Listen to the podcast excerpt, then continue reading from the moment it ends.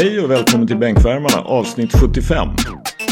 ESPN, den stora amerikanska sportsajten, har precis släppt sin ranking av NBA-spelare från 1 till 100. Och så här är det. ESPN rankar Draymond Green som den 37 bästa spelaren i NBA just nu. Nick säger att han lätt hittar 60 spelare han rankar före Dray. Jag tycker att Dray om något borde rankas aningen högre. Vi får höra Nicks förklaring lite senare och min gissning är att den förklaringen kommer att innehålla så här är det och bättre på basket. Min förklaring är att Dre gör lag bättre, offensivt och defensivt. Är till exempel Brandon Ingram mer skillad offensivt? Var Ben Wallace individuellt bättre defensivt? Kanske. Men på ESPNs lista över de 100 bästa spelarna är Brandon Ingram 26 och Zion Williamson 23. De är lagkamrater i, Pel i New Orleans Pelicans. Jag går med på Zion som 23 men oberoende av Ingrams individuella färdigheter så kunde Pelicans inte ens ta sig till play-in, det vill säga komma 10 eller bättre i West. Om Ingram är så bra på basket som ISPN tycker så får du gärna förklara hur ett lag kan missa slutspel när man har två topp 26-spelare. Draymond Green är en winning player. Ingenting Brandon Ingram hittills åstadkommit i sin karriär antyder att han är det. Om jag får välja mellan Draymond Green och Brandon Ingram tar jag Dre direkt. Dre kommer att kunna spela med vem som helst och göra honom bättre. Vem kan Ingram spela med? Sig själv. Hur som helst, det är snart slut på silly season i NBA. Säsongen börjar om knappt tre veckor. 33 spelare tjänar 30 miljoner dollar om året eller mer. Lönetaket är på cirka 114 miljoner dollar. Logiskt nog då så betalar man luxury tax först vid om de sammanlagda spelarlönerna överstiger 136 miljoner dollar. Brooklyn Nets som ska betala sina spelare nästan 170 miljoner totalt är klar favorit till titeln. 82 matcher plus utspel väntar och under den här tiden så kommer det som vanligt vara så att du för fan inte ska glömma att bänken aldrig ljuger. Hur är det med dig Adis? Uff, matigt, matigt. Eh, men jag håller självklart med om att Draymond Green om något är lite lågt placerad på den här listan. Men eh, det är bra. Jag har repat mig från en veckas eh, problem med min visdomstand. Men det är, ja, det är snart Ja, just det. Det är, det är liksom, var det knas med rötter och elände eller? Ja, fy fan alltså. Jag har eh, varit helt väck faktiskt. Men jag börjar må bättre nu i alla fall. Så att, eh, ja, det känns kul att vara tillbaka här och prata lite basket. Lysande. Nick, hur är det med dig? Uh, jo men det är jättebra, jättebra. Jag ser, uh, jag satt på en ligamatch här på tvn samtidigt så spelade jag in, det är drömscenario för mig. Åh! Oh! Oh, det, det hade varit en fet dunk. Uh, nej det var inget. Uh, jo men det är bra, ligan har startat. Jag såg en uh, ligamatch igår med publik i hallen. Det kändes speciellt. Och uh, livet rullar på, livet rullar på. Jag har inget att klaga på, jag är väldigt tacksam att jag är en del av bänkvärmarna och att jag har äran, att jag får äran att göra det här en gång i veckan. Ja, alltså, som sagt, jag kan inte tänka mig att du, det, jag tycker också på något sätt att det känns väldigt skönt att vi spelar in ett avsnitt och du tittar på SPL samtidigt. Det, det är på något sätt, liksom, då känns det som att världen är i någon form av ordning. eh, och bara en sån sak som att, nu får vi se då, det är väl kanske lite grann så här skräckblandad förtjusning. Men vi spelar in där på tisdagen och imorgon så släpper vi på restriktionerna. Nåväl, Johansson, hur är det med dig? Ja, det är bra. Sitter också med en SPL-match eftersom att jag nu gått all in på att se SBL det här året. Du har hostat 1600. Hostat 1600 med vissa löften om att jag ska få tillbaka en del när jag kommer norröver. Okej. Okay. Ja, det, det... Jag sa ju, jag har sagt att Jämtland har fucking köpt dig. Och jag har ju rätt, de har köpt dig. Du är här och marknadsför Jämtland och talar gott om dem. För att de har typ betalat för ditt årskort eller någonting. De, de, du, du har sålt din själ och det är väldigt uppenbart. Vad behövde jag säga efter igår Nick? Behövde jag du behöver inte säga mycket, men innan nej, det. Nej, nej, nej men, exakt. Men jag visste ju. Jag hade ju koll. Du har sålt din själ heter Jag har det. koll på SPL här, så är det ju bara. Det är ja. bara ja. ganska enkelt. Du är en mullvad. Va? Ja, faktiskt. Vi har två köpta. Nick, du köpte av Borås. Jag köpte Borås! Det ja, finns fan ingen som är mer kritisk när Borås spelar dåligt än mig. nej, nej, nej. Du var ju den enda som firade deras guld här om året. Det var ju bara du. Nej, jag, jag öppnade upp champagneflaskan, jag ska inte ljuga. var... Och jag ska vara helt där. Jag ser fram emot det året när Uppsala kliver upp. Så att Addis hostar upp 1600. För det vet vi att det kommer ju hända då. Nej, nej, nej. Vet Uppsala... du, Jo, då ska de Då går ju betala mig. Addis på matcherna, ja precis. ah, garanterat att Addis hostar upp 1600 och sitter och kollar på Uppsala-Nässjö då. Garanterat! En, en hemlighet jag kan dra nu. Sist man hade SPL Play, det var ju när Uppsala var uppe. Som ni vet. Exakt. Hemlighet. Lokal anknytning. Men jag vill påminna våra lyssnare en gång till att Johansson precis sa, det, det är inget jag ser, Johansson sa nytt, ja jag köpte, men jag vill att en klubb ska ge mig något tillbaka. Så han, han har sålt sig själv. Han har sålt Ja, sig ja, själv. men jag, jag fick faktiskt erbjudanden av fler klubbar. Jag fick fler... Roligt! Ja, jag fick fler erbjudanden av klubbar för SPL-kortet än vad jag fick som coach. Jag lovar. Alltså, det är helt sjukt. Helt alltså, otroligt. Alltså jag, Ja, men jag det, får det, noll av den ha här de podden. där... De vill ju ha de här 50 Jag har är inte det? fått några 800 erbjudanden. Vad håller ni på med klubbar? Skrämmande. Här, här, här är man till salu liksom och ingen vill köpa. Vad är det frågan om? Ni får i alla fall något, jag får fan noll.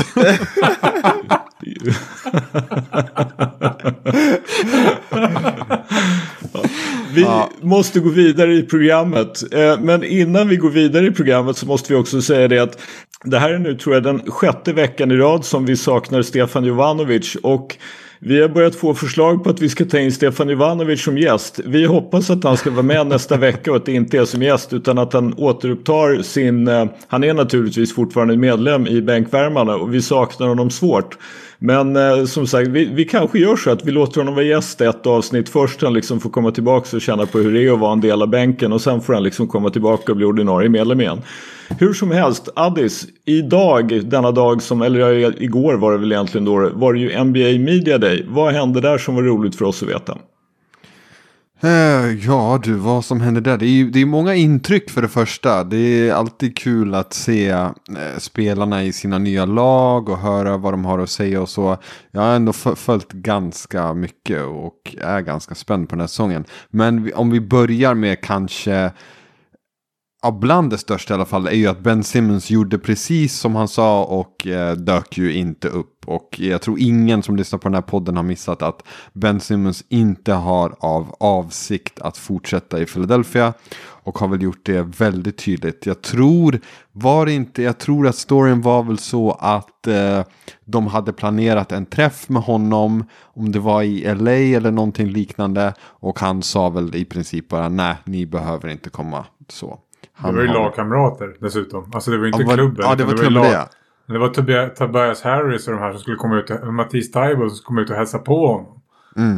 Det var Ingenting med Fast klubben att jag- göra utan bara hänga här för mig. Fast jag, jag tror att det faktiskt var så att han har träffat ägaren. Mm. Ägaren och Daryl Morey och kanske Doc Rivers, jag kommer inte ihåg. Men ägaren åkte med till Los Angeles och då var väl i alla fall Ben Simmons och Clutch Sports där, alltså hans agentur. Precis. Däremot så sa Simmons till sina gamla lagkamrater att det är ingen idé att ni kommer. För jag, Ja, typ, jag vill inte bli övertalad. Ja, men han, han, han har väl gjort väldigt tydligt i alla fall att han inte tänker fortsätta i Philly och eh, vi får väl se. Eh, Alltså jag tror att det finns ju, vi pratade om det lite innan vi började spela in, att det finns ju faktiskt en risk att han, han kommer inte spela. Alltså han kommer hold out så länge de inte har tradat honom. Och problemet är ju att jag vet inte vad för vettigt de kan få. Uppenbarligen har de inte fått något vettigt för de har ju inte tagit någonting för honom ännu. Eh, Så vi får väl Sacramento se. Kings är där och väntar med sin package. De är där och kan- väntar. Ja, vem, vem fan vet, det kan bli eh, Sacramento. Eh, men eh, då lär ju Buddy han... Hield och Marvin Bagley och två second round picks. Bag, ja, ja faktiskt. Ehm, så vi får väl se, men eh, det är väl bland det, det största i alla fall. Så sen har jag några små saker jag noterade. Ehm, Kawhi Leonard säger att han faktiskt vill spela i år. Ehm, men, men eh, jag vet inte om jag tror på det. Alltså av att om man tar hans tidigare skador och processen att läka så ser man ju att det är kört i år för att han, han tar sin tid. Men, men det är vad han säger i alla fall. Så vad tror ni? Tror ni att han, finns det någon chans att han kommer spela i år? Nej. Nej, Exakt typ 2% eh, 2 chans. procent. Alltså, det var, de säger ju det att liksom, så att säga, för att överhuvudtaget kunna spela efter då, han har ju haft en korsbandsskada och då brukar man ju säga att det är från operation så är det 7 till 9 månader. Men att det är ju liksom de jag har pratat med som har opererat sitt korsband. Eh, tycker ju att det, liksom visst man kan vara med och spela efter kanske 7, 8, 9 månader någonting. Men att det tar ytterligare kanske ett, ett halvår. Mm. Liksom för att så att säga komma tillbaka i någon form av normalt skick om man ens, om man ens gör det. Liksom. Mm. Men, men vad skulle Kawhi sagt? Skulle han sagt ah, nej jag tänker inte spela den säsungen. Så det här är monsterkontrakten ni gav mig, tyvärr jag kommer inte spela på ett och ett halvt år minst. Nej, det. Alltså, det, det, det, det kan ni inte säga. När, när, sluta, när var slutspelet och de slutade spela? Det var någon gång i juni, var det inte det ändå? Ja, han skadade väl sig i maj, början av juni och Ja, för mig. någonstans Ja. där. Ja. Så om man räknar nio månader, nio månader från det så visst teoretiskt kan han ju vara tillbaka till april eller någonting. Liksom, så han, han skulle sen ju kunna komma... Kawhi, det är Kawhi Leonard. Han har aldrig varit tillbaka i tid. Nej, men jag, jag bara säger det, teoretiskt. Alltså det, han behöver ju inte så att säga, eh, om han skulle då klara de här nio månaderna, då kan han ju vara tillbaka. Sen om det som sagt, ganska mycket tyder ju på att han inte är det.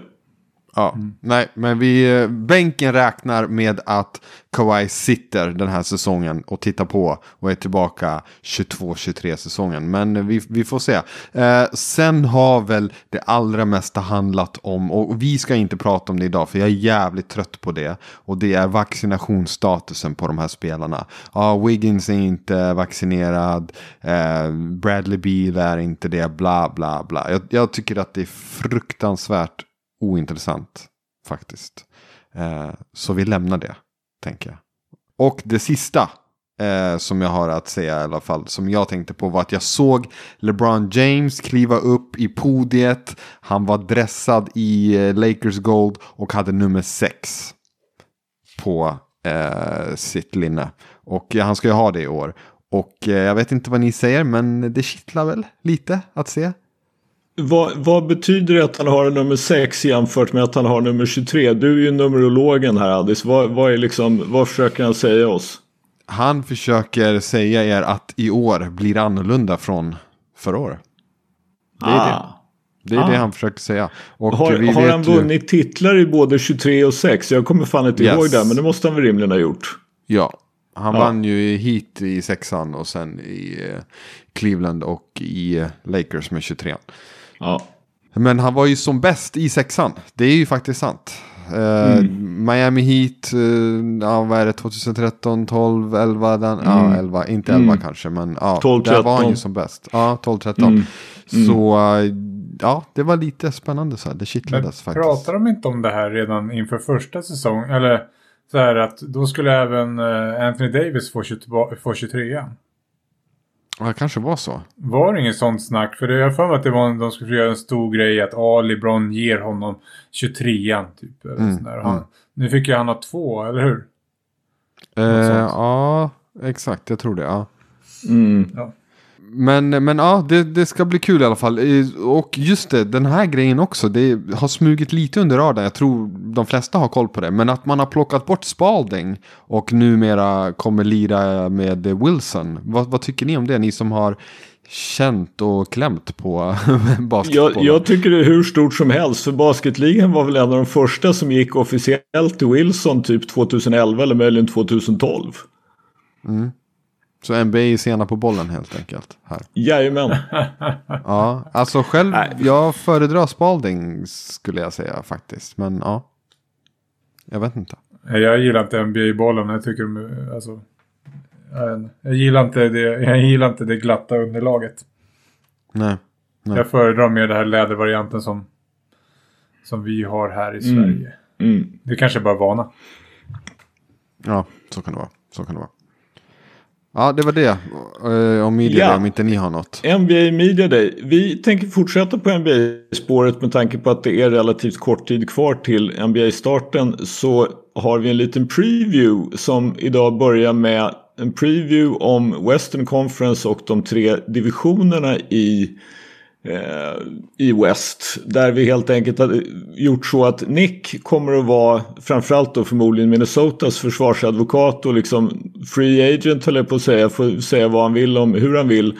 Medan jag och Addis och Johansson har fått varsin division att presentera. Och Johansson, vi konstaterade att din division kanske är den som är ljummast av de här. Så du får börja med eh, den divisionen? Ja, jag kan börja med det är South West Division då. Och i den så har vi Dallas, eh, vi har Houston, Memphis, New Orleans och San Antonio. Och för rent ärligt så har det inte hänt så jäkla mycket roligt. Men jag tänker en snabb genomgång bara av noterbara. Vi har Dallas, deras största grej var i princip Reggie Bullock och att resigna Tim Hardaway Jr. Det var ju typ det de gjorde. Förutom att de skaffade Jason Kidd då. Det ska bli intressant att se. Och så ett Just- maxkontrakt till Luka. Ja, precis. Men det tänker jag det var ganska givet. Mm. Var det inte det? Mm. Ja, sen har vi Houston då. Deras största grej är att de egentligen draftar tre 18-åringar. Det var ju Usman Garuba, Jalen Green och Alperen Sengun. Och ja, det är väl deras noterbara. De förtappar ju de otroligt intressanta spelarna Avery Bradley och Kelly Olynyk. Så här Mm. upphetsande är det. Memphis har ju ändå gjort lite grejer. De har ju skaffat då Steven Adams, Jarrett Culver och Chris Dunn. Men samtidigt också då skickat ut Valanciunas som är väl den mest noterbara. Eh, Grayson Allen spelade väl lite grann eh, och var bidragande. Eh, de som gjorde det sämst, delad sämst skulle jag säga, det är New Orleans. Eh, de gjorde i princip så att de ersatte ju Adams och Lonzo Ball med eh, Devonte Graham och Jonas Valanciunas. Men sen ska de då försöka sälja på oss att Jonas Valanciunas är någon sorts eh, floor stretcher för, för Zion då. Och så har vi sista hängiga San Antonio då som egentligen mest tappade DeMar DeRozan och inte gjorde någonting vettigt egentligen. Eh, de tappade även Rudy Gay och min favorit Patty Mills. Så det var en snabb sammanfattning och jag tänker väl någonstans så här. Om jag ska försöka ranka de här lagen så ser jag väl Dallas är det laget som kommer vara i slutspel klart. Uh, sen kommer Memphis ha, och New Orleans ha en chans för play-in. Jag tror att Memphis kommer komma högre än New Orleans. Och sen kommer Houston och San Antonio få tävla om, om eh, lotteryplatser typ. Det är min enkla sammanfattning. Jag, jag, jag, jag har lite tankar om Zion Williamson och New Orleans Pelicans som organisation. Please flytta till Seattle, snälla, avsluta det här. Det, det funkar inte längre. Eh, jag har... Ehm, alltså ni har säkert märkt det där och läst att Zans familj kommer inte överens med klubbledningen och Griffin, eh, som är ehm, New Orleans GM, det har kommit ut artiklar om att alla stör sig på honom och tycker att han är svindålig på sitt jobb. uh, och vilket inte är konstigt för han är det. det. Det enda han har haft är att han likar ut grejer till Adrian Wojnarowski och Wojnarowski säger alltid att han är ett geni. Men killen är ju urusel. Och jag tycker faktiskt det är intressant för att Zion, vi har aldrig sett en ung superstjärna så snabbt efter två år vara så tydlig med att ah, jag är jävligt missnöjd här. Har det hänt innan Skölden, du som är historiker? Att en sån här megastjärna, alltså alla, alla ser det, han kommer ju dra därifrån. Sen om det händer om två år, om fyra år eller om fem, vi får se. Men han kommer inte stanna där länge. Så New Orleans Pelicans, ni har ingen publik. Eran coach, eh, staff och eran klubbledning är urusel. Uh, ni har alltid haft flest skador i NBA, hur många år i rad som helst för att ni, ni, ni, ni, ni kan inte ordna ens ett rimligt jävla läkarteam. Så please, flyt, flytta till Seattle, en riktig jävla basketstad. USAs Luleå och fan, byt namn till Supersonics. Vi måste väl rätta upp lite av det där. De hade ett nytt, nytt medical staff förra året och då hade de faktiskt, de var nästan i topp på, på eh, minst missade matcher. Seriöst? Ja. Fan, det är ju sjukt för tio år i Du rad måste var det typ... lyssna på, du måste lyssna på, eh, på Skölden och minns eh, podd. Eh, Zack Lowe kallas den, eller hur Adis? Precis. Nej, men det, I'm är hanging bra. in there. Hanging in. Ja, men det, var, det var faktiskt länge sedan St. Claus sa. Men det jag tänkte på var ju det här att som sagt Seattle är väl inte helt otroligt nu längre för New Orleans Pelicans med tanke på att de ju har, alltså nu måste de ju kanske bara slåss med Minnesota. Det var, väl, det var väl Minnesota som köptes av Alex Rodriguez, baseballstjärnan som det ju sägs att han på något sätt skulle vilja flytta ett lag till Seattle för han har anknytning dit så det gäller att skynda på om, om, om man ska hinna först till Seattle har jag en känsla av. Men det här med nej, Zion Nick, så, så vitt jag vet så är i alla fall liksom på den här nivån så är Zion den första och framförallt i, den här, i de här tiderna att alltså som kontrakten är konstruerade nu så har ju då så att säga alltså Pelicans kan ge honom ett qualifying offer för den femte säsongen och först efter det är han unrestricted free agent. Så då måste han ju liksom ta sig igenom tre säsonger till. Och han kommer att förlora ganska mycket pengar på att inte ta en extension. Samtidigt så är ju Zion, alltså som jag har fattat det så, ja, han har en ganska bra skodeal och han har andra endorsements som gör att han tjänar ju kanske tillräckligt mycket pengar redan för att det här inte ska vara något större bekymmer. Men annars är det ju liksom eh, du förlorar så pass mycket pengar. Vi har ju sett det. det är ju, alla tar ju liksom sin extension med sin klubb och sen när man vill byta klubb så gör man det sen. Men här har vi ju alltså en kille som tjänar tillräckligt mycket pengar för att teoretiskt antingen då vilja tvinga fram en trade i förväg eller att ta sitt qualifying offer och chansa på att han är hel och går. Men Zion hade ju tydligen brutit något ben i foten också. Så alltså, om jag var Zions agent så skulle jag nog säga åt honom att ta pengarna först. Oberoende av allting annat. och det kommer nog hända. Alltså mest troligt kommer det att hända. Mm, mm. Ja, Det är, ju, det, är ju så, det är ju så spelarna gör idag. Ja, men, du- och jag hörde på en podd, vars namn vi inte behöver nämna, att just det här att jag menar, det är till och med lag som liksom när de ska förhandla med spelare om extension som säger att ja, men ta den här extension och om det här inte har funkat om två eller tre år då får vi väl tradea dig. Då får du begära en trade. Ja. Och apropå det då. Jag, mina avslutande tankar om den här divisionen det är att jag tror att Luka kommer få en chock över att gå från Rick Carlisle till Jason Kidd. Eh, Positivt eller negativt? Negativt. ja, nej men alltså jag håller ju såklart med. Kid är ju, alltså hans eh, track record är ju inte bra. Men alltså Carlisle, jag har stor respekt för honom och tycker att han är eh, jättebra. Men eh, han har också inte vunnit en playoff-serie på tio år. Men har Nej, du sett hans där. lag? Alltså jag tycker faktiskt det är ganska orättvist. Det är många som... Ja, kanske, men tio år med Nowitzki och Doncic och alltså jag menar, han har ju inte coachat. Eh, Jag kan förklara, det, jag kan förklara. Sacramento. 2001, efter 2011 så dumpade de Tyson Chandler i princip mer än halva laget för de ville börja bygga om direkt. De lyckades inte bygga om, de tog dit Monta Ellis och Vince Carter som typ second wheels, det funkade inte. Sen blev Nowitzki gammal. Och Don, Doncic kom ju för tre år sedan, men de lyckades... Alltså, visst, Carlisle är kanske, kanske lite överskattad nu. Jag tycker att han är riktigt bra, men han kanske blir lite överskattad. Han kanske inte är bra på att hantera stora personligheter, vem, vad vet jag. Men det är svårt att vinna med de här lagen han har haft alltså. Jag tycker verkligen det.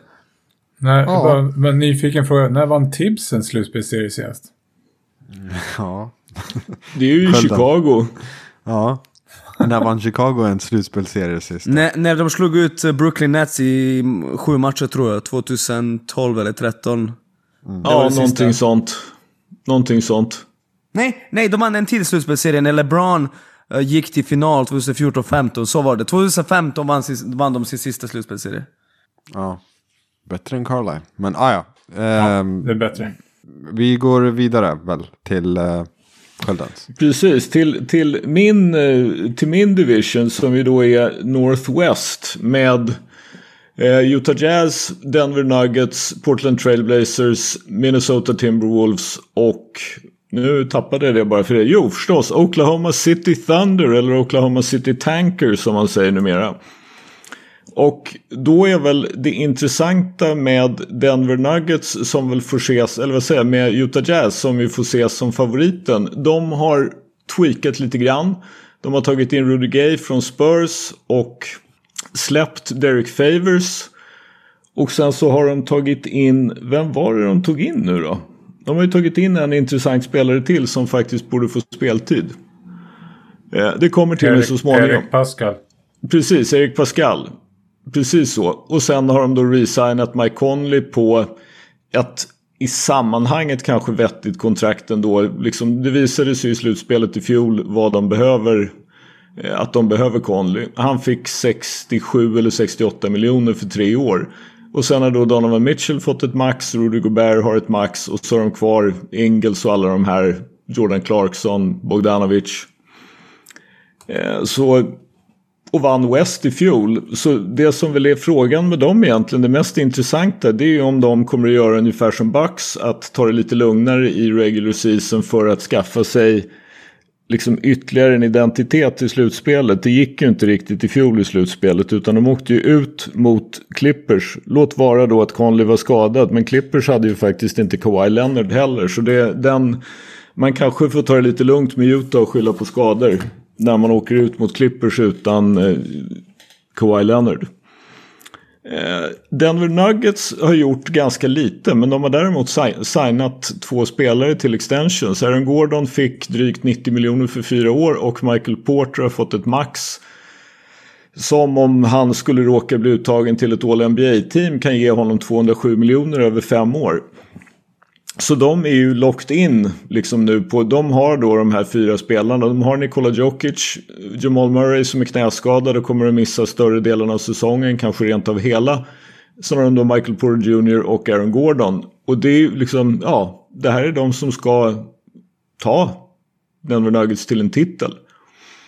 Eh, Portland Trailblazers är väl det mest intressanta att det för första gången egentligen någonsin kändes som att det kanske fanns lite allvar i att Dame Lillard möjligen var trött på saker och ting i Portland och ville därifrån. Och Portland har ju inte gjort jättemycket. De förlängde med Norman Powell som de tradade till sig från eh, Toronto. Och sen så har de tradat till sig Larry Nance Jr. som jag faktiskt tror är, det är en bra trade för dem. För det gör ju att de de enda som var sämre än dem i försvar förra året var Sacramento Kings och på det var de typ två och trea historiskt sett. Det är alltså de två, sämsta, två av de tre sämsta defensiva säsongerna någonsin. Vilket ju förstås hängde ihop med att eh, deras enda vettiga center var Josef Nurkic var skadad stor del av säsongen. Så de måste nog ändå, alltså det kommer ju ändå vara så att det kommer ju vara surr om, om Dame Lillard. Försvinner han eller inte? Liksom, vad, vad händer om de går om det går lite sådär från början. Än så länge är han ombord men kommer han att fortsätta vara det.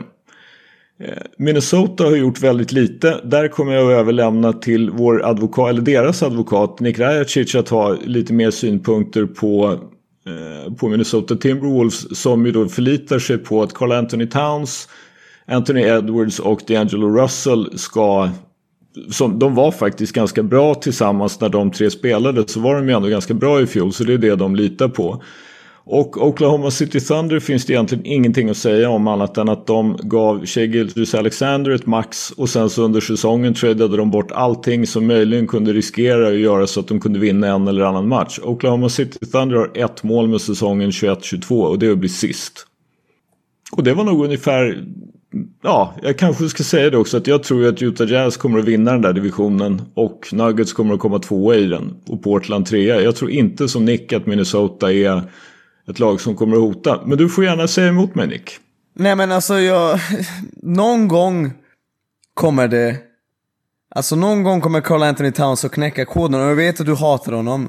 För det gör du. Du tycker att han är värdelös och att han inte är en winning player inom citationstecken. Men eh, jag tycker faktiskt att jag skulle vilja jämföra honom med Kevin Love 2014. Kevin Love 2014 hade massa stats, gjorde ingenting. Sen fick han spela med LeBron och helt plötsligt var han en vinnare. Eh, ni som följer NFL, jag vet inte om ni har sett Matt Stafford, han har alltid varit i Detroit, bra stats, ingen framgång i slutspelet. Nu kommer han till ett bra lag, helt plötsligt ser han ut som en gud. Eh, jag säger inte att Minnesota är liksom en helhet som kan göra stordåd. När jag säger att de kommer vara 17-10, jag kanske trollar lite, men samtidigt, jag tror att de kommer ha en bra säsong för att Carl Anthony Towns är riktigt jävla bra. Jag är ledsen Sköld, han är riktigt jävla bra. Eh, och han behöver bara mogna defensivt. Förstår du? Det är inte så att han inte har verktyg för att vara bra försvarare. Han behöver bara mogna defensivt. Och Anthony Edwards, jag vet inte vad jag ska säga. Jag tror verkligen på att det är en... Ja, ah, det är Donovan Mitchell slash Dwayne Wade. Det är den typen av spelare de har där. Och med, så, med två lirare som är sådär bra, som Malik Beasley och lite lite stepback 3 för D'Angelo Russell och lite tufft försvar Patrick Beverly. Jag tror verkligen på det här laget. Sen, det som händer i front office, det kan inte spelarna styra. Jag gillar deras coach, jag tycker att deras coach är faktiskt riktigt bra. Av det lilla jag såg efter att han eh, uh, tog uh, över efter Sanders och eh, ja, alltså jag är Minnesotas största advokat. Och den här alliansen mellan Cleveland och Minnesota, jag har faktiskt tänkt på det. Den här alliansen är så stark att Minnesota gav Cleveland Ricky Rubio för att hjälpa dem, för de behöver lite storlek där. Och Cleveland var snälla nog att ge Minnesota Prince, för de behöver en trea. Det är fantastiskt, fantastisk allians. Och båda lagen kommer göra stordåd. Och fan vad jag kommer skratta när de öppnar säsongen starkt. Jag vill bara säga att jag hatar inte Carl Anthony Towns. Det är klart att jag ser liksom du ett, hur bra han är offensiv och vilken potential han har. Men däremot så är det väl kanske just det här att eh, jag tycker inte att han han får ju inte ut så mycket av den här potentialen och av sina skills. Sen får vi väl se, sen kan jag ju säga så här att jag tycker att Carl Anthony Towns är väldigt mycket bättre än D'Angelo Russell. Och det är väl det som är lite grann problemet med liksom just den här kombinationen D'Angelo Russell och Carl Anthony Towns som jag har varit väldigt, väldigt skeptisk till. Men Anthony Edwards är jag helt ombord på. Jag och Addis var på Anthony Edwards långt före någon annan av er. Så där, där håller jag 100% med. Men jag har fortfarande lite svårt att se att de... Alltså, ja. Visst, de kan säkert om allting stämmer vara med och slåss om en plats i play-in. Men jag har ju svårt att se att det blir mycket roligare än så. Mm. Nej, jag tror inte på dem. Eh, det gör jag inte. Annars fan tycker jag att det är... Fy fan ja, men alltså Minnesota, de, jag har historia. De har bränt mig fan 20 år. Ja, det är som det är någon i hela världen som måste vara med på det här tåget så är det fan du.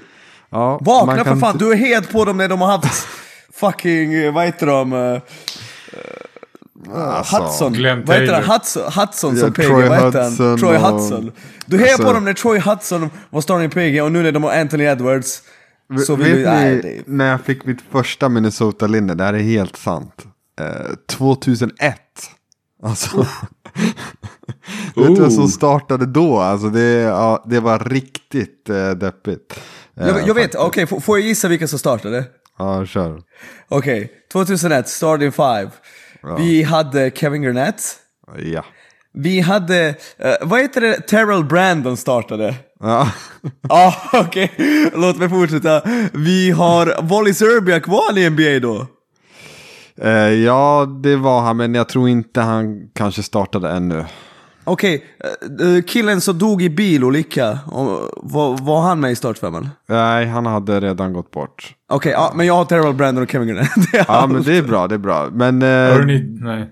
Nej, ni, ja, fan, jag ser här att faktiskt Wally Serbiak startade. Ja, vi har 3 och 5! Vänta, ja, var, var han Trenton Hassel med eller vad det heter? Nej, inte, de hade Anthony Peeler då. Anthony uh, Peeler, okej, okay, okej. Okay. Ja, precis. Han delade startingjobbet. Uh, men uh, Nestorovic såklart. Ja, just det. Ah, Rasho. Rasho. ja, det är en jävla roster alltså. Rasho. Men eh, jag kommer ja. inte riktigt ihåg, men var Terrell Brandon slut redan då eller? Alltså det var ju typ hans han sista var ju bra, bra Han var ju bra i, i, han var ju riktigt bra i Cleveland. Ja, men det var typ, han gjorde typ någon säsong till och sen la, han la ju av 0-3. Mm. Alltså han spelade mm. inte 0-3 så att eh, Skölden, det var typ Skölden. sista. Mitt, mitt, mitt främsta bevis till att basketen var brutalt mycket sämre idag, eh, förlåt, på 90-talet än idag, är att Sports Illustrated gjorde en artikel 98 det, som mm. hette Är Teller Brandon den bästa pointguarden i hela världen? Oh då, då vet du hur, hur pointguard-positionen har utvecklats på de här 20 åren. När man ställde den frågan 1998. Ja, fy fan vad sjukt det är. Eh, och jag ser här också att Billups var ju bänkvärmare för dem också. Fan sjukt. Eh, Fast han, fick ju han fick ju starta när Terrell Brandon var skadad va? Var det inte ja, så? Ja exakt. Och det var, så att det, liksom, det är året ja. efter. Eh, och det är ja, då... Okay. Ja, ja. Det är då han liksom blir bra och sen plockar Detroit honom gratis. Men eh, eh, sista grejen om den där divisionen, ni pratade om Ricky Rubio, jag har en fråga gällande honom. Eh, tycker ni att han är en bust? Så här i efterhand. Yes. Ja. ja med, tanke på hur, med tanke på hur ja. bra han var när han var 17 så ja. Och jag tycker att han är. Ja, Ja, ju exakt. Baserat hype. på hypen och allt det där. Han är väl det. Alltså, en- även om han är ju rätt bra. Han är helt okej.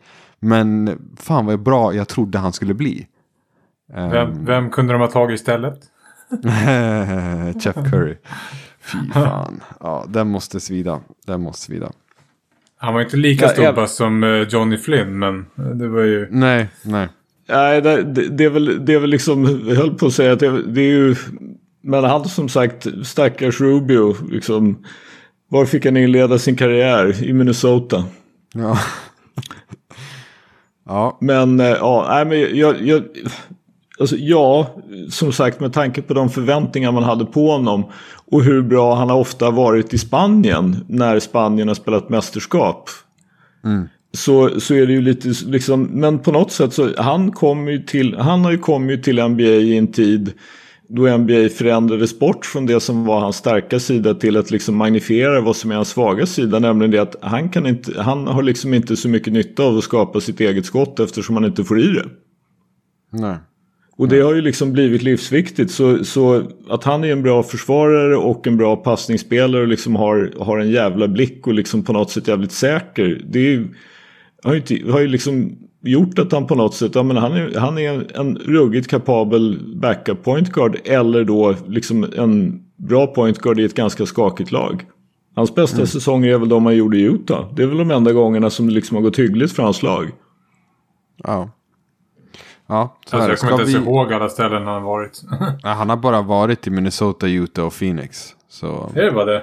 ja. Ja, så Minnesota i fjol då. Ja, exakt. Eh, ja, ska vi ta sista divisionen för idag?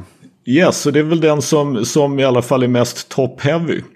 Ja, precis. Jag tänkte gå i den ordningen som jag tror också att det här kommer att eh, landa till slut. då. Och jag börjar nerifrån. Så att eh, vi börjar med Sacramento Kings. Och jag, när jag funderar liksom, var börjar man ens med det här deppiga förlorarlag, eviga förlorarlaget?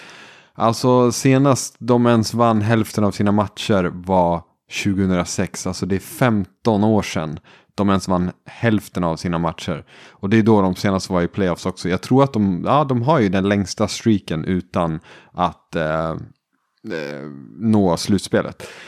Och eh, ja, vad ska man säga? Alltså, alltså på, på tal om, ni nämnde Seattle Supersonics tidigare, att New Orleans ska flytta dit. Seattle Supersonics vann en slutspelsserie närmare vår tid än vad Kings har gjort. Och det är otroligt. alltså Seattle har inte spelat i NBA på 13 år. alltså, det, det säger allt tycker jag om det här laget. Eh, men eh, vad, vad gjorde man i år? Man adderade Davion Mitchell i draften. Eh, och då tänkte de väl, ja ah, men vi draftar någon på den position där vi faktiskt har någon vettig i DeAndre, eller i Fox då. Eh, så att det är lite konstigt val kan man tycka. Man För signade säkerhets Alex... skull har de ju Halliburton också. Ja, exakt. Bara en tredje att hantera bollen. Bra. Eh, och sen signade de Alex Len och tappade Whiteside. Så att de har liksom inte gjort någonting speciellt heller. Eh, så att jag skriver av dem nu. Det blir ännu en säsong utan att nå slutspelet. Eh, man får väl drafta. Det, problemet är att de är aldrig för dåliga heller. Så de får alltid drafta liksom mellan 5 och 10. Och så får de någon halvbra spelare som sen ska lämna. Eh, så att ja, det, det är det jag tror om Kings i år.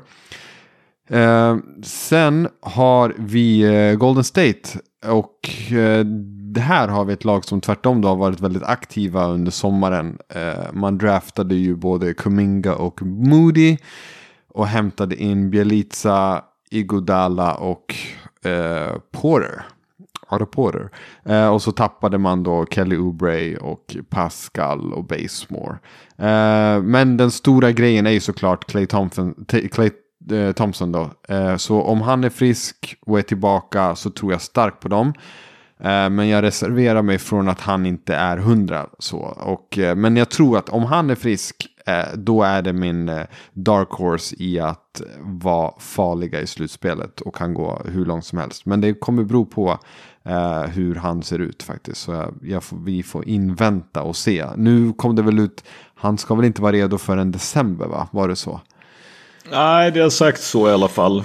Ja, precis. Så ja, vi får väl se. Eh, sen i den här divisionen hittar vi ju också Clippers. Där har det hänt en hel del. Man behöll ju viktiga pusselbitar i Kawhi, Reggie Jackson och Batum.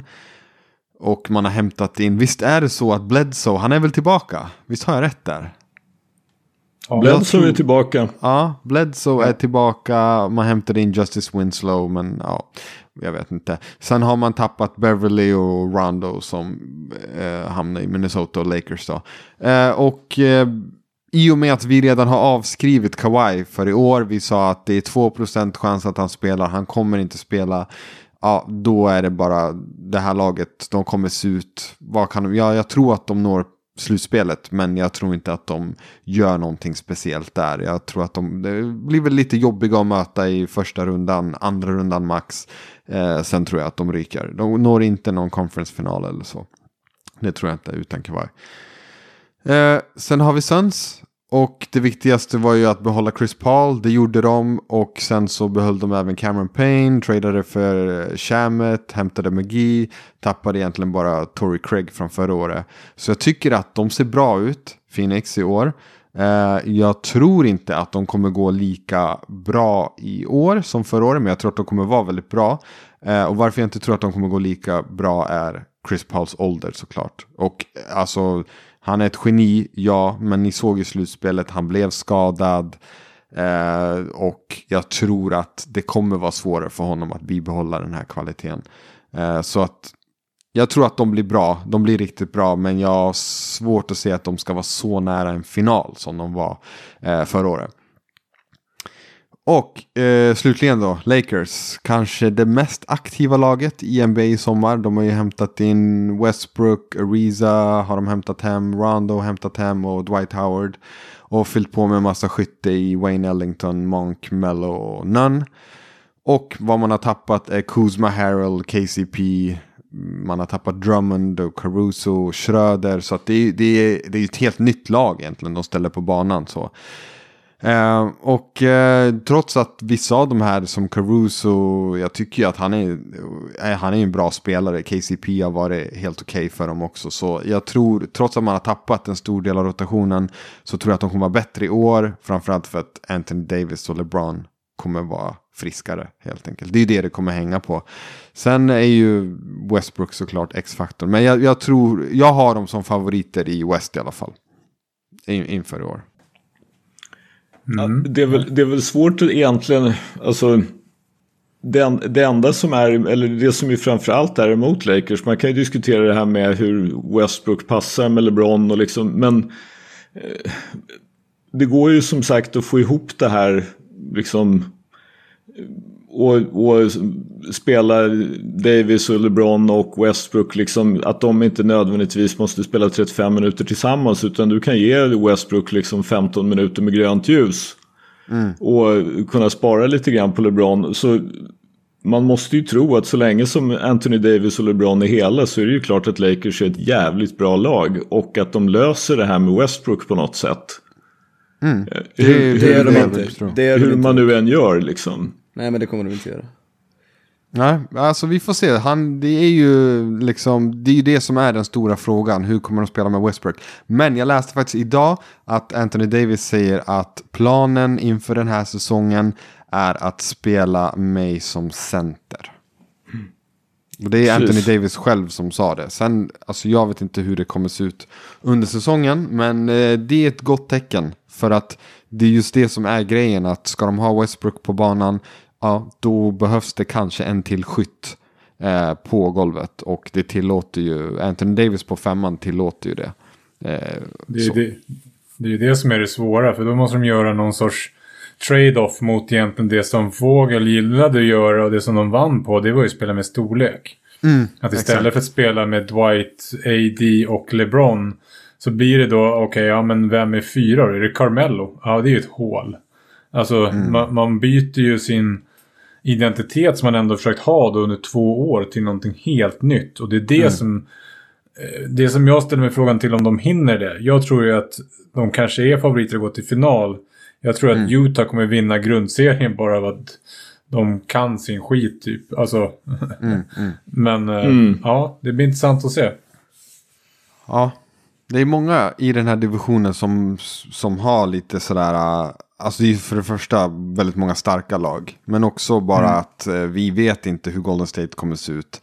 Alltså säg vad man vill, men, men eh, får de igång Clay Thompson på riktigt eh, och han kan spela som tidigare, ja, då, är, då blir de ju farliga. Det är ju klart, det har vi ju sett. Hur många år Mm. har de inte slaktat med, med de där tre på, på golvet?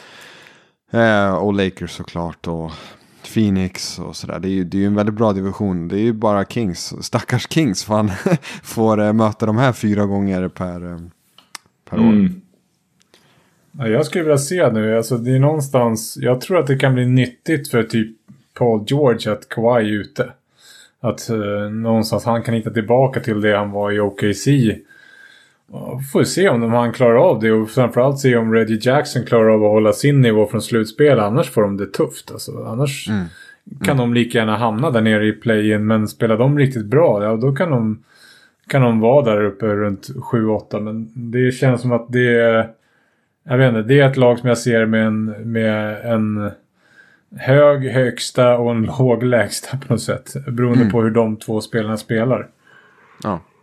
Alltså, Jag måste bara återvända som hastigast till Lakers. Jag menar, om vi tänker oss att Anthony Davis och LeBron ändå är friska. Vilket ju på något sätt allting ändå bygger på när man liksom går in i en säsong. Kan man anta att de är friska? Så länge som de två är friska och Westbrook är frisk. Så hur, hur många lag tycker ni är mer atletiska än dem? Alltså även om de kanske spelade Anthony Davis som center så har de ju liksom en förmåga att alltså faktiskt overpower people. Jag, jag, Skölden, jag håller med dig, men jag, det, det har varit som med LeBron de senaste 5, 6, 7 åren. Vi måste ju tänka långsiktigt och fin, eventuell finalmatchup. Förstår du vad jag menar? Alltså, ja, jag fattar. Med, med Anthony Davis och LeBron och Russell Westbrook så kommer de vinna massa grundseriematcher. Det, det är ingen som säger något om det, men jag tycker att bara att de, de passar inte ihop. Och, du vet, och nu har jag sett något videoklipp där var Russell Westbrook skjuter liksom lite mer set shot och alla bara ja men han har ändrat sitt skott. Alltså vet ni hur mycket jag stör på det där? alltså det, det, kommer ju det kommer inte funka. Jag ser inte hur Westbrook ska funka med Anthony Davis och LeBron. Jag ser honom komma från bänken och bära laget när LeBron sitter på bänken, för det är det de har saknat lite förra säsongen. Någon, absolut. Men alla vi här vet att Russell Westbrook tror inte att han ska komma från bänken. Han tror att han är på samma nivå med LeBron Anthony Davis. Det tror han från botten av sitt hjärta och det är det som är största problemet. Fast det jag, det jag tänker mig är det här just att som sagt om, om Fågel är lite smart så då finns det ju som sagt utrymme att spela Westbrook liksom själv eller med antingen Anthony Davis eller Absolut. med LeBron liksom en, en kort period och skytta runt. Liksom, han kan ju spela honom med Alltså han, Westbrook har ju kunnat mata Steven Adams. Liksom, göra honom till en spelare som kan snitta 12-15 poäng. Det är klart att han kan göra detsamma med en kombination av Dwight Howard och eh, DeAndre Jordan. Inte för att någon av dem kommer att snitta 12-15 poäng. Men, de Men- men- kommer ju liksom men- att kunna men- göra men- poäng på offensiva returer och på lobbar och så. Så att liksom, jag tror ju att Sen då som sagt slutspelet, ja, det får vi väl se vad som händer under de här 82 matcherna. Men att de ska lösa det här i grundserien och liksom vinna snarare 54-55 matcher än 48-49. Det tror jag nog. Ja, vi får se. Ja. Ska vi, vi får väl eh, fortsätta nästa vecka, då kör vi väl East va? Jajamän, då kör Ja. vi East. Då kör vi is. Så att vi kan väl lämna det här och sen så får vi grotta ner oss lite mer nästa vecka. Men eh, ska vi ta lite SBL eller? Yes, Nick, kör! Nej, alltså jag vill först börja med att prata lite om eh, den där eh, matchen igår jag såg mellan Borås och Jämtland och eh, ja, Jämtland ser ju bara fruktansvärt, fruktansvärt, fruktansvärt bra ut. Alltså, jag vet inte var jag ska börja. Jag tycker att de eh, redan nu har en väldigt tydlig identitet och jag, jag älskar sättet eh, deras importer spelar på. Framförallt Chase Harler och CJ Wilson för att de, eh, alltså ingen av de två är något spektakulärt men helvete vad bra de är på att utföra saker. Chase Harlow, du vet, han är en sån snubbe som liksom, han är bra, han är okej på att skjuta och han spelar ganska bra försvar. Han sticker inte ut, han är ju kort. Han är ju 1,90 på en bra dag. Men fan vad han rör sig bra utan boll och fan vad smart han är. Och samma gäller ju deras poängare CJ Wilson som hela tiden ser ut att vara under kontroll. Och eh, han är bara lugn hela tiden och det är det Annan Chuck behövde. Alltså nu känner jag verkligen att han har fått ett lag där det måste vara hans bästa lag. Eh, han är till och med bättre än några av de här lagen han hade i Norrköping. För det är ett komplett lag, de är enorma.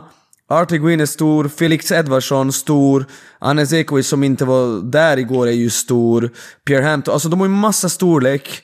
De har kanske inte eh, lika många alternativ på guard-positionerna, men jag ser ett lag som är redan idag, de är bara, alltså de är ju på en helt annan nivå jämfört med Borås. Och Borås har ju bara haft fyra träningsmatcher, haft skadade spelare som nu ska börja lira. Alltså jag, jag, det här handlar inte om att jag vill såga Borås. Och du vet, jag hyllade ju Jämtlands poängguard CJ Wilson, men eh, Boråspoängaren, Siani Chambers, alltså jävla vilka tempoväxlar han har och han, försö- han spelar stent och försvar. Han var ju också, han imponerade också, fast på ett annat sätt. Han och CJ Wilson är två helt olika spelare.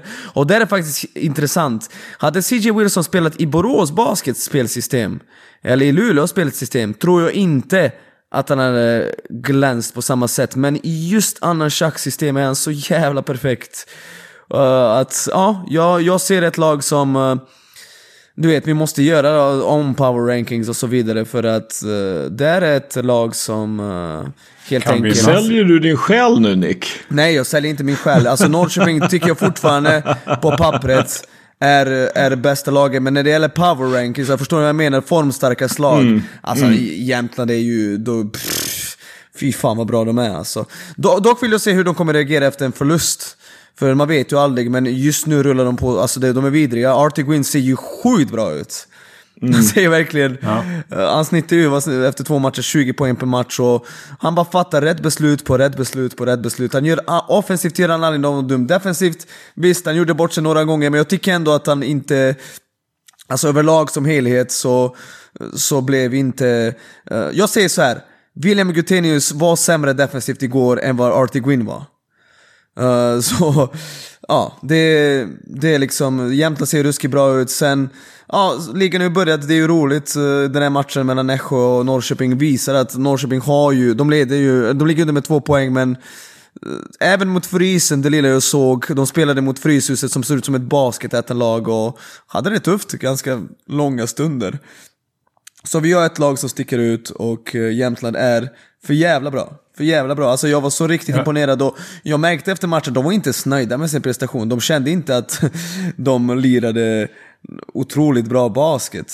Men de gör sin grej och eh, de kommer vara riktigt, riktigt bra. Sen, eh, jag vet inte, jag har inga andra tankar riktigt just nu. Det, det har precis börjat.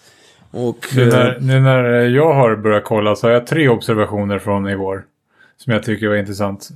Ett, RT ger oss blivande 40-åringar hopp om att det finns ett liv efter 40. Jag trodde du skulle säga ger oss i Jämtland.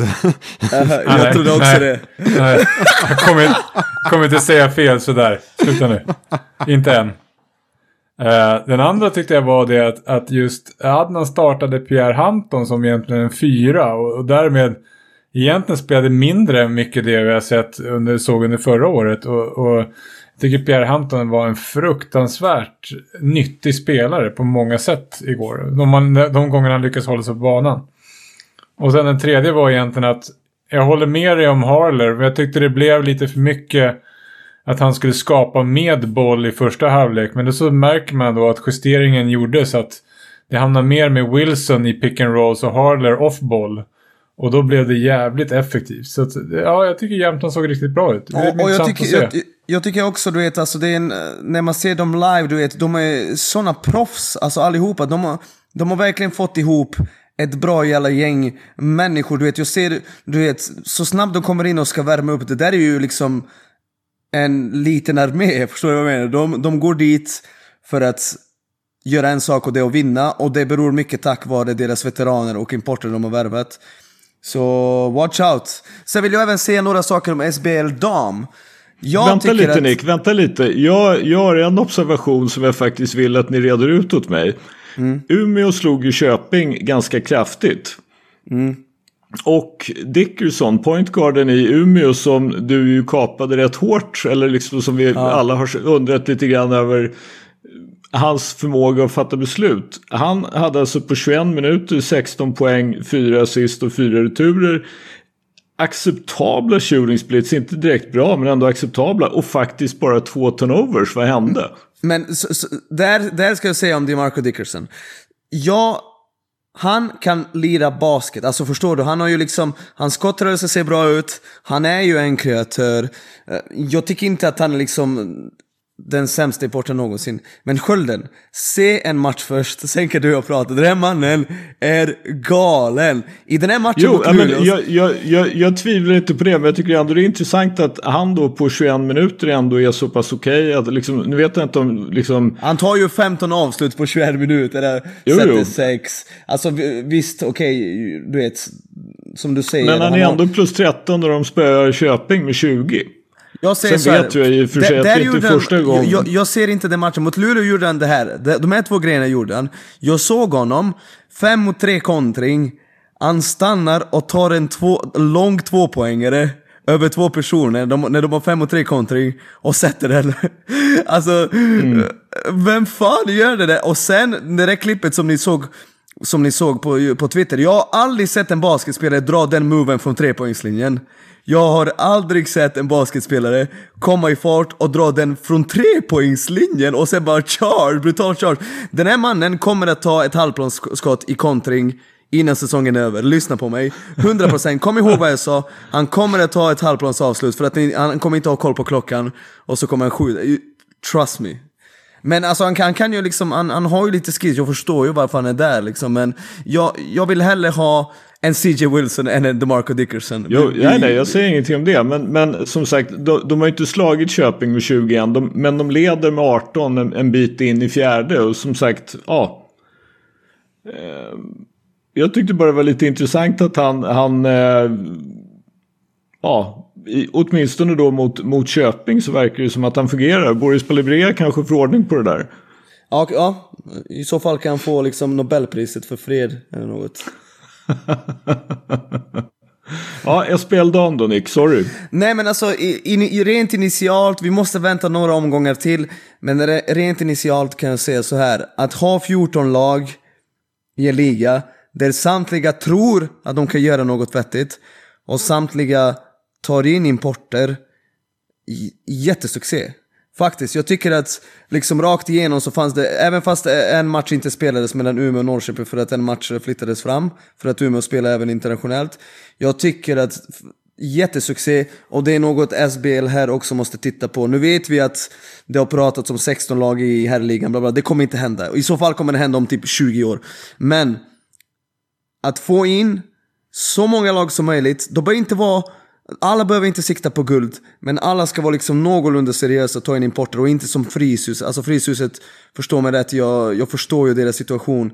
Men ta bort Frysen, ta in Uppsala, ta in Kalmar och Ockelbo, jag bryr mig inte.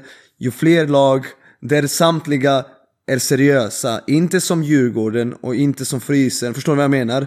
Utan det finns någon form av seriositet. Det är bra, det är bra grejer. Det ska vi ju säga, alltså SPL Dam fick ju in två riktigt bra nykomlingar nu i Borås och Östersund som, som hade rätt bra organisationer och men, men, satsat men, rätt bra. Johansson, Johansson, vet du vad? Jag vet inte om de är riktigt bra. De, det är ju bara två seriösa organisationer, fattar du vad jag ja. menar? De är ja. bara seriösa. Det är inte så att deras mm. svenskar håller no sjukt hög nivå eller något. Utan båda lagen är ju liksom seriösa organisationer som har liksom en till idé. De ska tränas seriöst, det ska tränas mm. i liksom seriösa faciliteter. Förstår du vad jag ja. menar? Och det räcker. Ja. Det räcker Exakt. liksom. Jag håller med. Jag håller med. Vi vill ha in mer seriösa föreningar. Och, och sen om kvaliteten är mindre bra på banan än tvärtom. Exakt, och du vet, och i Borås har du Pat Ryan, det är ju seriöst. Jag lovar dig att Pat inte tjänar några jättepengar där. Men du är seriös. Och Östersund, de tar ju in en ung svensk liksom damcoach. Det är också spännande. Alltså förstår du? Det är ju, det är ju riktiga idéer. Jag tycker, att, jag tycker inte att varken Borås eller Östersund, du vet i längden så kommer de inte vinna massa matcher. Men det de bjuder är ju liksom, de gör ligan så mycket bättre bara, av att, bara för att de är seriösa liksom. Håller med. Mm, mm. Och det var allt för den här gången. Mm. Det var allt för den här gången. Det där SPL-dagen var ju nästan som man skulle kunna kalla det för en hot take. Men det var det ju inte. Utan det var ju en eh, iakttagelse. Men det är dags för hot takes Nick. Du börjar. Nej, vi ska ju prata om den där listan. NBA-listan. Ja, just det. Vi är inte skulle det ju- din hot take? Precis. Nej. Jo, nej, det är ju nej, lite... jag har en annan hot take. En annan hot take. Jag vill att vi pratar om den listan Jag- snabbt. Snabbt. Kan vi prata om listan? Ja, vi, vi kan prata snabbt om E ISBNs lista. Spel, De har alltså rankat NBA-spelare från 1 till 100. De 100 bästa spelarna i NBA. Det var det jag inledde med. Draymond Green är 37 och Brandon Ingram är 26 Kör Nick. Eh, Så här är det. Ehm, den här listan, du vet, de gör alltid saker för att folk ska reagera. Så jag har märkt med, med Balbröderna, de rankar dem alltid sinnessjukt högt för att du vet, folk ska säga men va? Du vet, för det är många som bryr sig ju om just balfamilj och så vidare. Uh, det behöver vi inte prata om. Men när listan kom ut och, och ni skrev i, i chatten att Draymond Green är 37 så tänkte jag Fan, jag kan komma på många spelare som är liksom mycket bättre. Men sen, när jag tänkte efter så kom jag fram till att mm, det kanske inte finns 60 spelare i sköld som är, som är bättre än Draymond Green. Däremot, en, en tanke som slog mig direkt när ni skrev om listan var Jag svär på allt att Kyle Lowry och Tobias Harris är bakom honom. Det var två spelare jag tänkte på och jag tycker att båda ger lika mycket impact som Draymond Green eller kanske mer till och med. Och de hamnade ju visst precis bakom honom.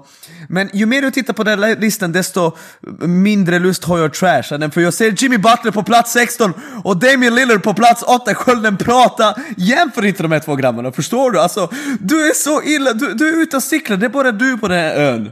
Du är ensam på Jimmy Butler-ön när det kommer till att han är topp 10-spelare. Plats 16 är perfekt för honom. 16-15, jag har alltid haft honom där. Det är perfekt. Och en lirare av Damian Lillards nivå ska vara topp 8. Plats nummer 8 känns rimligt. Jag gillar den här listan. Bara för det. För bara för det ska jag inte trasha den. Jimmy Butler 16, Damian Lillard eh, nummer 8. Fullt godkänd lista. I love Jimmy it. Butler 16, det låter högt alltså. Eller? Du tycker det? Ja, faktiskt. Det här kan ju då vara ett tillfälle att säga det att vi funderar på att så småningom ha ett segment i åtminstone ett avsnitt där vi frågar oss trollning eller inte trollning och det kommer bara vara Addis-trollningar som vi tar upp. Här fick jag ytterligare en då att ta upp på det här. Ja, jag vet faktiskt inte om man är seriös eller inte. Nej, men det är det jag säger. Man vet ju inte.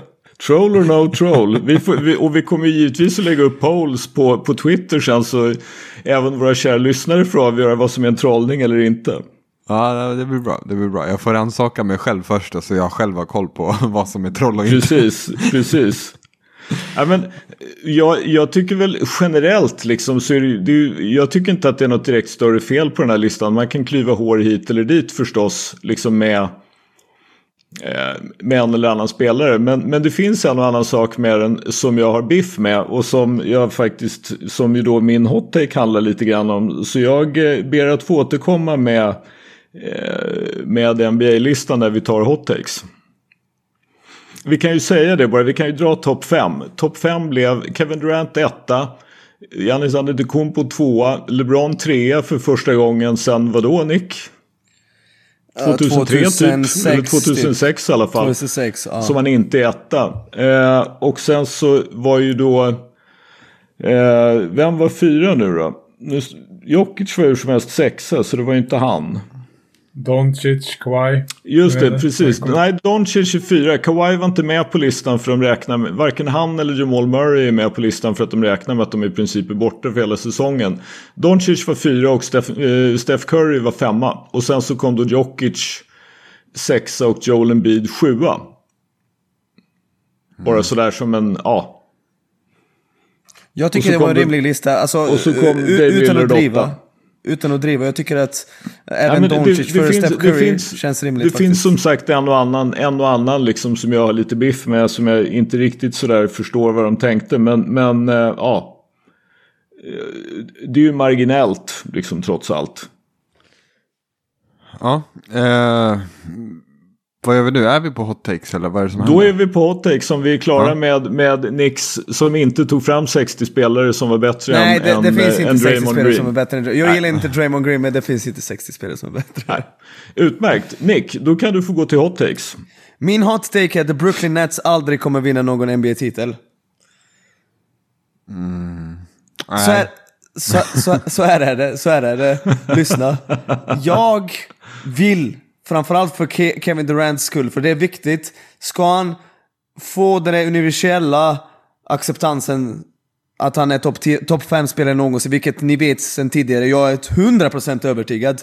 Inte topp 5 som har åstadkommit mest, utan när det gäller att spela basket, topp 5 någonsin. Och, och det, jag tycker nästan den är så självklar att det är jobbigt. Men i alla fall, ska han befästa sin plats väldigt högt upp historiskt sett måste han finna fler, vinna fler titlar. Det kommer inte räcka med att han är makalös och omänsklig. För pappskallar kommer ju, du vet, det där med att räkna ringar, det är det värsta som finns i NBA faktiskt. Att folk försöker dumma ner konversationer till att vinna ringar. Men i alla fall, jag vill att de vinner. Men för att de ska vinna, det här måste hända. Kyrie Irving, James Harden måste en hel säsong vara både skadefria och, in, och inte helt dumma i huvudet. Och hur stor är sannolikheten att både Kyrie Irving och James Harden är en hel säsong helt skadefria och inte dumma i huvudet? Procentuellt sett är det kanske 50%? Är det ens det? 40%? För om vi vet något så är det att James Harden och Kyrie Irving är dumma i huvudet och skadebenägna. Alltså, förstår du vad jag menar? Det, alltså nu vill jag inte vara taskig, dumma i huvudet lite för hårt, men oberäkneliga i vissa situationer. Framförallt Kyrie Irving, alltså jag, jag vet Addis att du gillar honom, att han är frispråkig, och jag tycker att spelarna ska vara frispråkiga. Och du vet, jag gillar att han faktiskt har tagit upp några gånger att det där med psykisk ohälsa och så vidare. Men den mannen, alltså... Jag, jag, om, om jag skulle få läsa på ESPN.com om två veckor att Kyrie Irving announces that he is retiring. Jag, jag skulle bara säga aha okej, okay. och sen skulle jag gå till nästa nyhet. Det skulle inte chocka mig för fem öre. Den där mannen är så jävla speciell att ingenting skulle förvåna mig. Och därav känner jag att det finns ju lag som är lite mer stabila när det gäller liksom personligheter i laget och så vidare. Och eh, som sagt, varken James Harden eller Kyrie Irving har visat att de konsekvent kan gå djupt i slutspelet och vara hela och prestera på den här toppnivån. Så, så min hot take är Bro Brook Brooklyn. Brooklyn Nets kommer aldrig någonsin vinna en titel, tyvärr. Det här är ju lite roligt för det var ju min hot take för typ ett år sedan. Seriöst? ja, det var ju då det var, vi, vi diskuterade, eller liksom det var ju något sånt här, vi pratade om det här hur bra Kevin Durant är och allt vad det var. Då sa jag det att sorry KD och sorry Kyrie, det blir ingen titel för er. Sen har ju jag då plötsligt insett att Kevin Durant, alltså insett, jag har ju alltid vetat att Kevin Durant är en helt fantastisk basketspelare. Men att se Brooklyn och Kevin Durant i fjol. Alltså då som sagt om han trampar en, vad var det, tre centimeter längre bak och får i den där trean så, så ligger de väl rätt bra till att ta titeln faktiskt till och med utan eh, både Kyrie och Harden. Eller i alla fall en Harden på vad det nu kan ha varit 60-70 procent. Så det, det är lite intressant att du har svängt nu. Men jag förstår var du kommer ifrån. Men jag håller inte med om att man kan säga att James Harden är skadebenägen. Det är ju egentligen förra säsongen. Nej, inte skadebenägen utan skadebenägen slash är han slut i slutspelet? Fattar du vad jag menar? Stripperbenägen. Stripp, alltså förstår du? Han är inte den duden som sköter sin kost och sömn. Och förstår du vad jag menar? Och vi har sett honom i slutet av säsongen bara kollapsa. Och många säger att det handlar om ah, choke, han är en choker, han har ingen clutch i. Nej, jag tror faktiskt det beror på att han orkar inte. Jag, tänk, jag tänker lite grann att alltså det, delvis, det är ju en anledning till alltså det är ju en anledning till att Lakers ville ha Westbrook. Det är ju för att kunna liksom faktiskt spara lite grann på folk. Mm. Harden har ju haft liksom sjuk usage rate. Det är ju liksom Exakt. Luka Doncic på slutspelsnivå som liksom närmar sig, eller Westbrook en säsong i OKC som närmar sig Houstons, eller Hardens usage rate i Houston år ut och år in. Jag, är inte, jag tycker inte det är så konstigt. Jag tror ju att eh, om, så länge som Irving tycker jag är den som är som ur det perspektivet är liksom oberäknelig och där det känns som att jag håller med dig. Det kan hända lite vad som helst. Han kan få först lite vad som helst. Samtidigt så tror jag ändå att han verkar ju ha en relation med Eh, Kevin Durant och han verkar ändå när Harden kom så accepterade han ju ganska omgående liksom att men jag kan spela off-ball och han spelade ju fantastiskt. Alltså de, de jag säger så här, är de skadefria så är det otroligt svårt att se någon kunna vin- slå dem fyra gånger i en slutspelsserie. Jag kan, jag kan bara inte förstå hur det ska gå till helt uppriktigt sagt. För de har ju dessutom tagit in liksom bra spelare runt omkring dem som, alltså, som ju förmodligen kommer att funka att ha liksom runt om. Och de kan som sagt skåra sönder nästan vem som helst. Men du har ju rätt i, skulle man sätta pengar på dem, då vill man ju ha bra odds. Alltså givet skadehistorik och ålder och liksom allt vad det är. Så. Mitt svar på den här Ja. diskussionen är att jag tror att de vinner i år. Ja, jag svarar faktiskt Mm. samma. Eller Men då- favoriter i alla fall. Då får, det, Ja. då får det hända i år, för det där är ingen Dynasty. Alltså, Nej, ä- ä- nej, de nej. vinner en max Nej, nej. typ. Ja, men det, det håller jag med om. Att för att det är för många, eller för många, det är Kyrie. Liksom, det är osäkert kort. Men, men grejen är, jag tror att även utan, plocka bort Kyrie, ersätt honom med, alltså vad de än kan få för pengarna, alltså någon veteran, whatever. Så tror jag ändå att de skulle vara att räkna med. Alltså Harden och KD, det är nog. Det är jag. brutalt. Det är Ja, brutalt. det är helt alltså. sjukt. Man, Det man är- får ju inte det är det. glömma att det, liksom, det är ju ganska uppenbart varför de ville ha Patty Mills. Ja. ja, just de har ju för fan... Alltså jag ja. menar om, om, om Kyrie är borta Ja, där- där så, kan de, så kan de skicka in Patty Mills. Alltså det, det är ju en, en eh, det är ju en sån jävla homerun för dem så det inte är sant. Får även om det är så att de skulle ställa upp en starting five då med, med Harden, Joe Harris, Kevin Durant, eh, Claxton och Blake Griffin. Clax. Mm. Det är bra. Alltså, Vad det är, heter han? det är, Brown? Brown, vad heter han? Ja. Och sen så har de Bruce Ja, ja. Brown. Bruce Brown. Och så De har ju precis. Griffin och uh, Aldridge också. Ja, och så Patty Mills från bänken. Alltså, Ja, det är ett bra lag. Den supporting casten är inte så jävla nice. Alltså KD Men som supporting cast så, så som sagt de fick det ju funka i fjol. De har i och för sig blivit av med Jeff Green och det, det, det kostar väl lite grann. Och så blir de av med Landry Shamet också. Va? Honom tradade de väl till Phoenix på någon, Jag kommer inte ihåg vad de fick för honom men nej, jag kommer inte heller ihåg. Men De, det de fick en påse Mills- pistage. De fick en De påse fick en- pistagenötter. Nej men de fick Javon Carter och en pick. Okej. nu kommer jag inte ihåg vem de tog. De fick 29 picken. Jag kommer inte ihåg vem de tog med den. Men ja. Ja.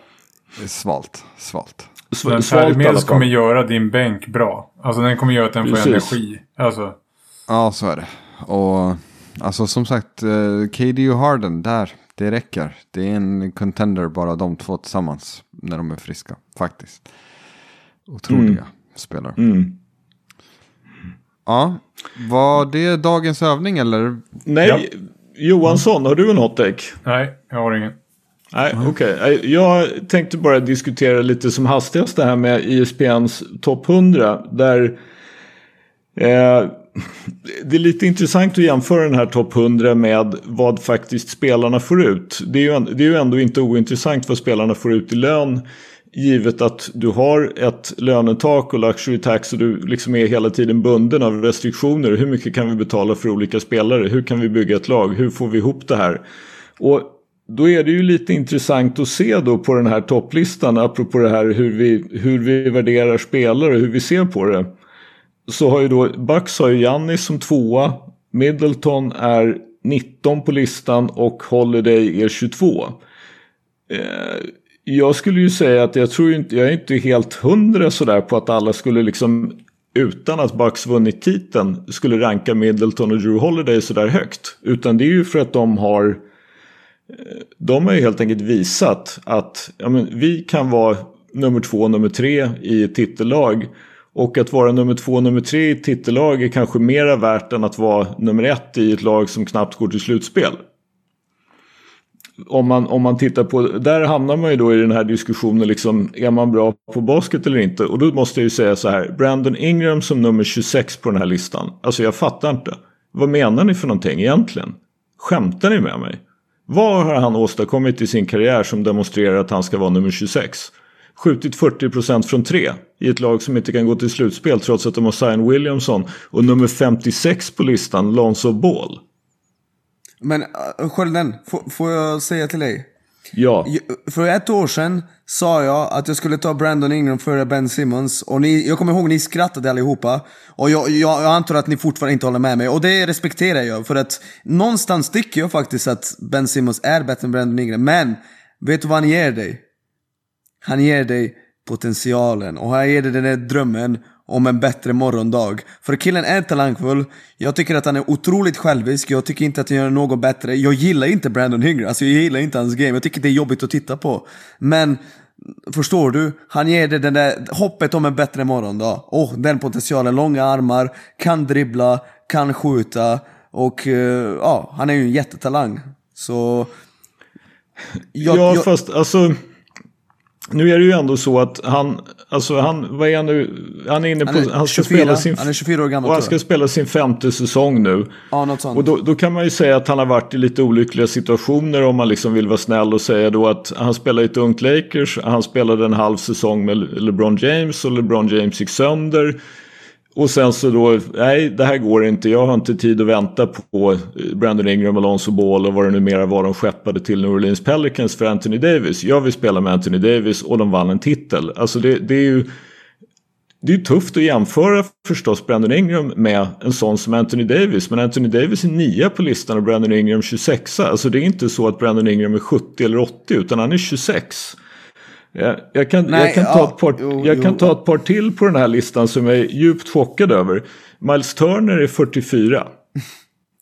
Det är ju hans blockstatistik som skjutsar Ja, upp men han har, tre, han har 3,4 blockar. Men han har, han har typ, vad det nu var, 12,5-13 poäng och 6 returer. Han har 6,5 retur och är liksom 2,12, 2,13.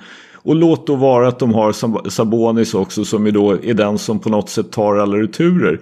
Men liksom vad har Miles Turner gjort i sin karriär som motiverar att han ska vara rankad 44? Jag, jag måste erkänna, jag fattar inte riktigt det. det jag tycker man kan ifrågasätta Domantas Saboni som jag egentligen tycker mycket bättre om på något sätt. För att där ser jag din, den här grejen med potential Nick. Jag ser en spelare som eh,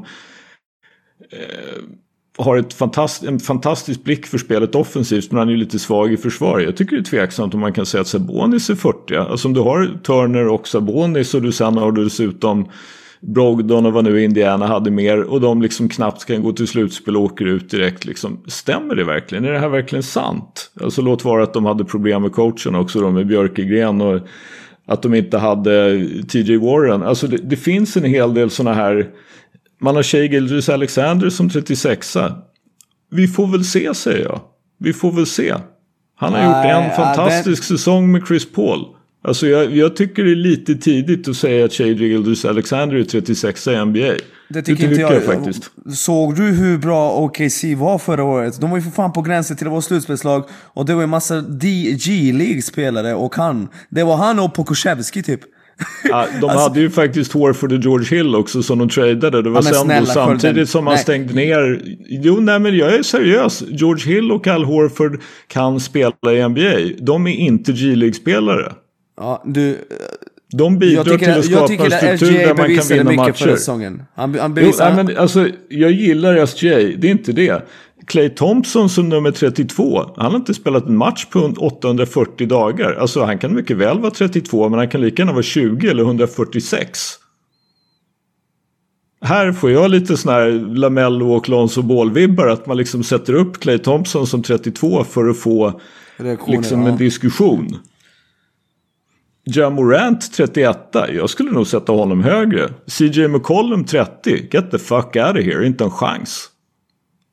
Ja, hörru, nu snackar vi eh, CJ McCollum i minut 80. Nu är det dags att släcka. Du har helt rätt i det. Vi släcker. Vi släcker dagens skogsbrand och går hem. Eller vi är ju redan hemma. Men ändå. Ja. Tack för avsnitt 75. Vi ses och hörs. Om inte annat den 25 november i Globen då Sverige spelar VM-kval mot Finland. Ha det bra. Hej då. Ciao. Ciao.